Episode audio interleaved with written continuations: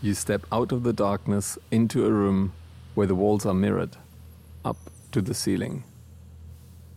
In the reflection of the mirrors, you see yourself endlessly. The reflections shift your perception. You take a step into the sand, and the door closes behind you, and through speakers, you can hear waves crash on the beach. It's almost like being at the beach, only everything here is artificial. In the middle of the room are two plastic beach chairs. In the corner, the kind of a water dispenser that you'd only find in an office building. The door has disappeared, and you have no idea where you came from or how you get out again. A man is sitting in one of the chairs. His kind eyes take you in, and he says, Hello. Hey, welcome to the first episode of The Land of Plenty, the podcast. My name is Julian Hetzel, and I'm a performance maker and visual artist. The Land of Plenty was created during the Forum on European Culture, a festival that researches the future of democracy. Here at the Bali, we created this art installation called The Land of Plenty. Over four days, interviews took place in this box of self reflection with people in power in an attempt to shift the perspective. We invited alternative experts to moderate these conversations. In this episode, you're going to listen to Ed, who interviews author Arnon Groenberg and director of Dutch culture Kirsten van den Hull. When entering the room, they had no idea whom they would meet or what kind of questions were waiting for them.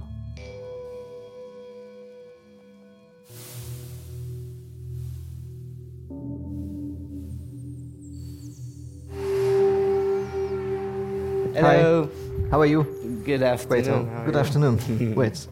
Hi, Arnold is my name. Ed, Edward. Ed- Edwards. Nice, to meet meeting you. you, Edward. So you're going to ask questions. Yes, I'll be your interviewer today. Okay, Yeah. Um, at the end, you get to ask me a question. okay. So Any question. Any question. Okay. Right. I hope you have a good one. I hope so. Yeah. So uh, let's start. Uh, would you mind telling me about yourself? I have no idea who you are. I'm an author, I'm a novelist. Okay. I have a son who's two years old. Mm-hmm. I live partly between in New York and in Amsterdam. Oh wow. Okay.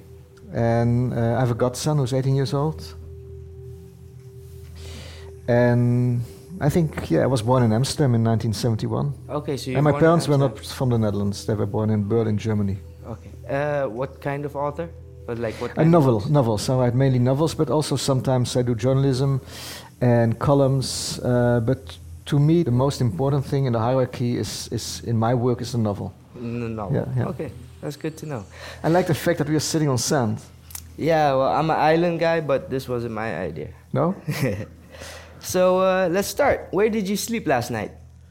in my apartment in Amsterdam, in the In- Grote Bikkelstraat. Okay, My girlfriend was uh, wasn't home. I was alone with my son. okay.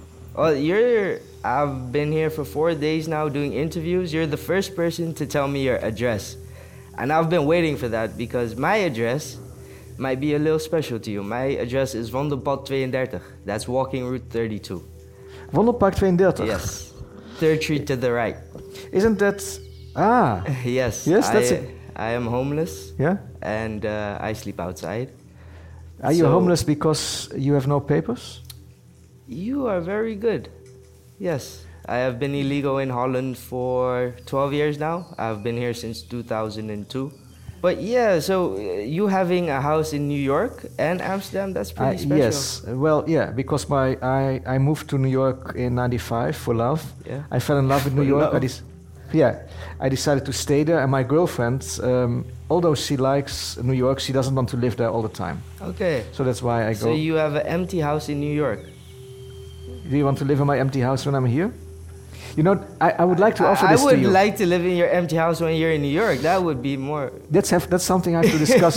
as It's far as I'm okay. concerned, but have to discuss with my girlfriend. I, this follow-up question might be a good one then. Yeah. Before we discuss, uh, what are you afraid of?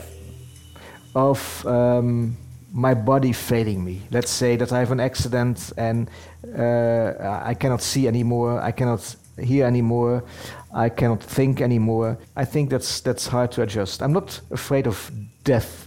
No. But um, the slow decay, that's something I would, would not like.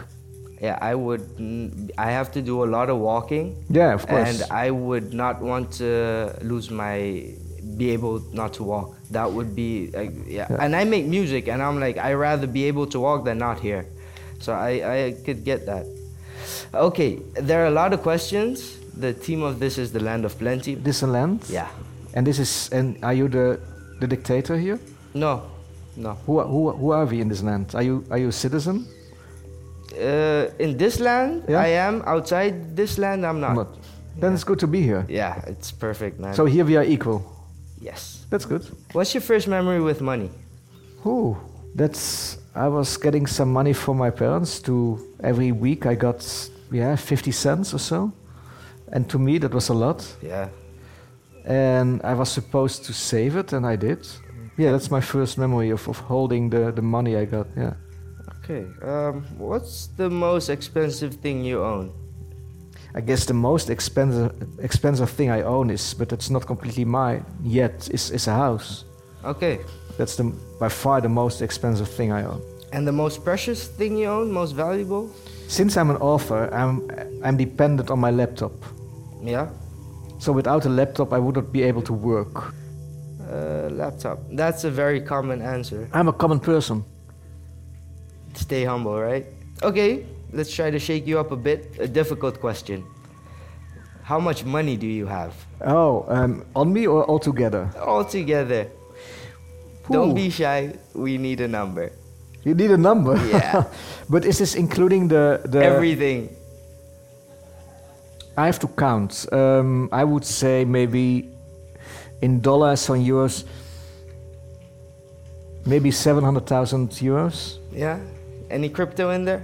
No, No I don't crypto? have any crypto. Okay. oh, yes, I um, have some crypto. It's worth 100 euros. Nothing. it's nothing. A I hundred bought it for euros much is more. nothing? Well, it's not, that's not, compared to the other amount, of course, it's something. I would never say that 100 euros is nothing. Okay, because that's like, in my country, that's already 600. In I Africa, know. that's much. And even in Holland, that's like a month worth of money for me. You live on 100 euros a month? Uh, A 100 uh, euros a month would be a lot. Yeah. But you get, where do you eat? Uh, Salvation Army. Oh, yeah. Yeah. Is the food good there? Uh, we get soup. Only soup. Yeah, soup at 12. But the, Okay, the yeah, last yeah, no, question, I, I right? have so many questions for you. That's that's that's Um, unfair. you might never had this moment in your life, but uh, maybe could you tell me about your brokest moment? Financially zero, rock bottom. Oh yeah, I was when I was. A student, I, you were yeah, eating no, I, noodles? I've never, s- I've never went to university. I'm a high school dropout. Nice. Uh, yes, um, I, I, t- I had my own publishing house, yeah. and I had many debts. I had to pay the printers and translators. Uh, it still was guilders, but about 60, 70,000 euros, and I didn't have any money on the on the bank, Mm-hmm. and I lived on a credit card. Ah, And then I emptied the credit card. I maxed, I maxed it out. was this in New York or in? no, Amsterdam? it was still here. It was still okay. here. You were living the American dream in yeah, Amsterdam. and I thought, yeah. So that was a moment I was broke, and um, yeah, but I never lived. I was never homeless. I was, I, I had a house and I had clothes, and Could you describe, in your own words, how you envision, picture, describe the land of plenty to me? land of plenty, of course, is where, where you would be a citizen.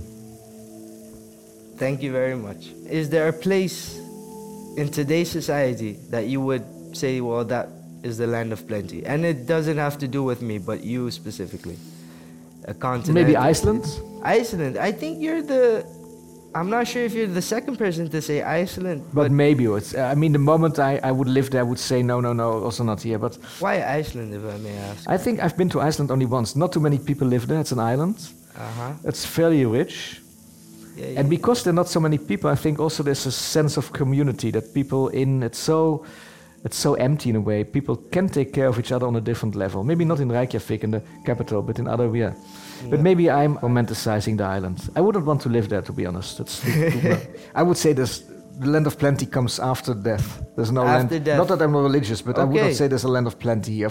In many ways, I mean, this region to many people is a land of plenty compared to other regions in the world. Yeah. I mean, I've been to Afghanistan, and even the poorest person in the Netherlands probably is better off than many people living in Afghanistan. Yes, that's what I try to explain to people because if I have to listen to the immigration, I have to go back to where I came from. I was born in Trinidad. I left there when I was three, and I came here when I was eight. I lived other places, right? And now they want me to go back to a place that has boa constrictors and snakes. I'm like, I'm better off living in the forest in The Hague. Yeah, man. yeah, it's like way better here. I thought you lived in Vondelpark. No, no, the Fonda Park. Have you seen? It's way too busy, man. it's way too busy. Yeah, man. It's what. What it do you is. do in the winter? You uh, get to ask Oh, me okay. the last question. Edward, okay. because we have some big topics now. Oh. It literally says big Yeah. topics, right? Uh, they're open to interpretation. I just want to know Yeah. what you think, okay? What does hope mean to you? Hope. Yes. Oh. Um, that's what you need to go on, basically. The fact that we are still alive is proof that we have hope. You have hope, I have hope. And hope can be very dangerous. It's not only something that's good. Okay, keep going because the second question is Is hope a good thing or a bad thing? It can be both. Yeah? Depends on the situation. It can be you can be deceived by your own hope. Yes. Um, absolutely. So I Yeah. think you should never have too much hope. yeah. Crea- having too much hope is like creating a mirage for yourself. Yeah, not Yeah. seeing reality anymore. Yes. What is freedom to you? I believe that in, in the end, we humans, we are on a certain level. we- There, there is uh, such a thing as free will, but of course, government can oppress people, and freedom is the freedom also that, in a way, I mean, of two types of freedom. Of course, that you have enough to have a decent life, but also that you are left alone to to live your own life according to your own wishes, within the law, of course, and with certain s- restrictions. But still, I believe that people can make their own choices and should make their own choices without me judging you for what you're doing or you judging me for what I'm doing. No. Do you think art can change society? Do you think art? c- Sometimes the change doesn't have to be good. Art can be very dangerous. Yes. Now you get to ask me a question. I have so many questions. So you applied for asylum, I guess. The uh, IND immigration, they say you're from a tropical island, you're not asylum seeker, or you're not a refugee. Yeah. Yeah, that's what they tell me. But if I Google the country where I'm supposed to go back to, Trinidad and Tobago, on a Dutch internet, it says don't go there, it's too dangerous for the Dutch citizen. Have, have they ever tried to send you back to Trinidad? They have never caught me now. Keep, the- keep the good work up. yeah. what do you want to become, to be, I want to become a real Dutch person and go live in Spain. and go to? And go to Spain. Go to Spain. That's a, that's a good. uh, and do you sometimes work on the black market? yeah, I do a moving job, uh, odd jobs here and there. Like, So if I need you, I can I can call you for for. Give me If- your number. yeah, sure. Absolutely. That would be amazing. That would be amazing. I pay, I pay well. yeah. I, uh, Hey. anything is better than I also nothing. need a babysitter. Are you good with babies? Yeah, and Yeah. dogs. I love and dogs. Oh, we have a dog too, but the dog is not mine. Uh, I So you keep, ca- take care of the dog. Yeah. You can kill the dog, but that's between us. No, no, I like dogs. okay, I, can, I no, can keep the dog. okay, the other okay, K word. I have to go to my son. Yeah, Thank you. It was a pleasure, Edward. Thank you very Edward, no, much. thank yes. you. amazing.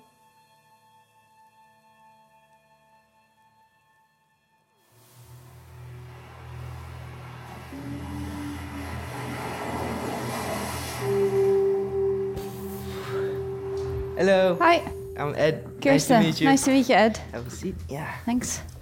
Ah, thanks for coming. I'm Ed, Edward. Uh, you're Kirsten. Kirsten, nice to meet you. Would you mind telling me a bit about yourself? I live in The Hague. Oh, really? Yeah, Interesting. I sleep in The Hague, you sleep in The Yeah. Hague. uh, The Hague Forest. The Hague Forest. Yeah, Haagse Bos. Aha. Okay. Uh, continue. I work here in Amsterdam Mhm. and uh, I work for Dutch culture. Okay. And uh, yeah, I live in The Hague with my husband and two cats. Two cats. Yeah. Nice. Uh, you were born in the Netherlands? Yes, in the Oh. east. In the East. Okay. Yeah. Well, this is the land of plenty. I have some questions here for you. Yeah. Um, where did you sleep last night? In my house, In in, The my Hague? bed in The Hague. Yeah. What are you afraid of? Hmm. I think the future of the world.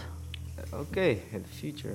I'm afraid that the climate is out of control in terms of what we can do to turn it around. And I am worried about the wars that are going on. Oh, really? Yeah. Okay. What's your first memory with money? I think asking my mom for it. Yeah, Because, allowance. yeah, I wanted to look like Madonna and Prince, probably. oh wow. Yes, and I wanted to go shopping, and my mom probably said no. Wait, how old were you that you wanted to go Well- to Madonna and Prince? This was an ongoing conversation between me and my mom. Yeah. I grew up with my mom. And then finally, she said, Okay, you will get an. al- I was 10 when I got my allowance, and then I had to save for, for me to buy clothes. My mom was tired of me asking for it. So. So your mom was a single parent? Yes. Back in the day, uh, did she work two jobs? My mom worked one job, but it was a big job, lo- long hours. Yeah. So yeah. I like before I came to Harlem, my mom worked two jobs in two different restaurants. Like I would only see her sleeping and Hmm. getting up. Yeah. Where was that?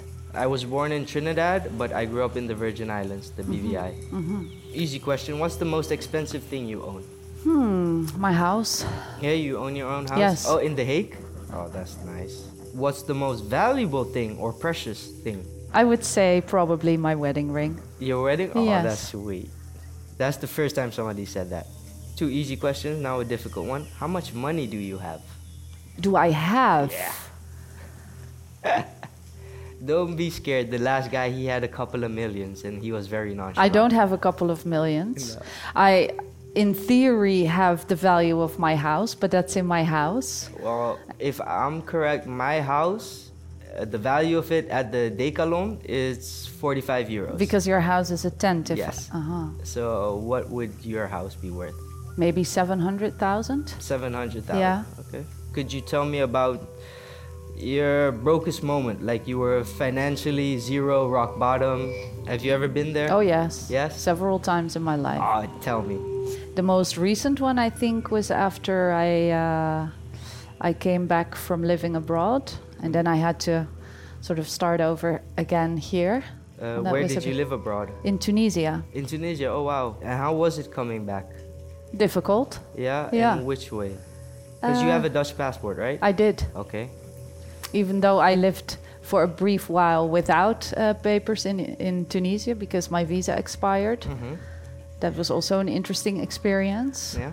But coming back, I had my Dutch passport, but I had to find my life back, basically. I grew up here, right? I came here in 2002. I had the a green card, and uh, my papers got taken away from me. And I, I had to go back to my motherland to kind of do the procedure again.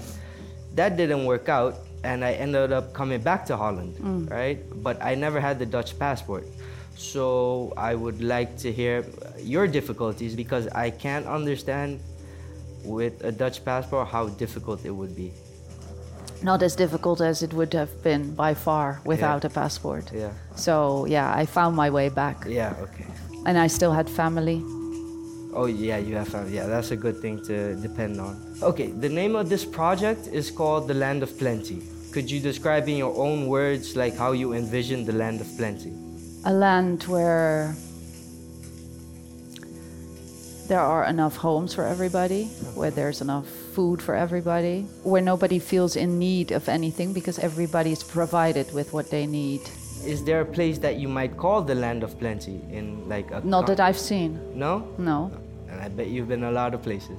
I've traveled a lot, Yeah. but I've never seen a country where where I would feel that description applies. This is not on the paper, but imagine if your first memory with money was not it being an allowance, but you having to struggle to get this money. Would you think there's a other place that you would call the land of plenty if your you growing up was different? And you- yes. yeah. Of course. So okay. What does hope mean to you? That's an interesting question because I had a long discussion with actually one of the speakers later tonight, Eetje. She was speaking in Brussels last year, and she she actually made a whole argument against hope because she said hope is actually very dangerous because we are led to believe that there is another horizon we still have another chance and she said hope is actually can be very paralyzing and it can be very negative so she she was arguing for faith rather than hope because you need to know that the change is coming and not just hope What does hope mean for you? You specifically. it used to mean optimism and the belief that there was uh, always another chance. Uh, however, in the current world, with the, the state we're in, and maybe also the older I get, sometimes that optimism is less solid than it used to be. Is hope for you a good thing or a bad thing? It used to be a good thing. And now it's a bad thing. I'm not there yet that I'm saying it's a bad thing, but um, I used to be in politics, and uh, sometimes hope is sold to people to actually make them believe change is coming. Uh, but in fact, uh, change is not coming or not soon enough for a lot of people. And in that sense, it can be dangerous What is freedom to you? freedom for me is um, absolute right to be you as you want to be. So that means that you are living the life you choose for yourself. That for me is freedom. Even if that life is a problem for somebody else? that depends what how you define problem freedom is never absolute in my uh, in my beliefs so as long as you do not harm anybody else so Mm-hmm. it can be a problem it is a problem for some people that i have a tattoo or it's a problem for some people that i wear pants Yeah, um, yeah. that i don't see uh, as going against somebody else's freedom if they choose not to wear tattoos or pants Yeah, yeah, yeah. uh, however, if I would then forbid them to wear uh, whatever it is that they want to wear, then that would be a problem. Okay. Um, two quick last questions. Do you think art can change society? Absolutely. Yeah? Absolutely. Good. Good. Clear answer. Yes. And the last question, we have some time. Do you have any questions for me? Yeah, I actually do. So you, you said that you live in a tent in, in the Haagse Bos. Yes. Is there is there perspective for you that you will no longer have to live in a tent in the Haagse Bos? Um, with hope, there is. Without hope, it's just me living in a tent. Yeah. And where's your hope based on then? My hope is based on that. To be honest, that I meet somebody that's like, this is bullshit. We need to get this guy help. Because that's the only way you're in this system these days. Uh, 'cause most of the interviewers are homeless, and that's the only way we get help. Either we're a number and we have to go there and there and there, or you meet somebody who's like, okay, you don't have to go anywhere. I'll, I have a guy's number. I'll give a call, and then you get help. So that's basically the hope. I can't really depend or say something's gonna happen in the near future. No. I would like, if if I may, I would like to see if if I can uh, uh, find people in The Hague who can help you. I cannot Okay. promise they can help you, but I can try. No, that's fine. I'm open to anything. It's better than the forest. yeah. Impressive Um, conversation. Yeah. Thank yeah. you very oh, much. this is I'm lost for words. it's very yeah. I think also very brave of you to share your story in such a way. Yeah, I've uh, hold it in a long time, but people they underestimate me or they think, oh, he's doing good. He his clothes are clean or something Mm-hmm. like that, and it's totally the opposite. Yeah. I have to leave. I think. How do I stay in touch if? Uh, I could give you my email or my number. Yeah, it's all could good. you? Yeah, sure. Okay. Thank you for listening to the first episode. Next week, Miguel will talk with journalist and political commentator Ecete Melkuran and author Jaap Scholte. See you then.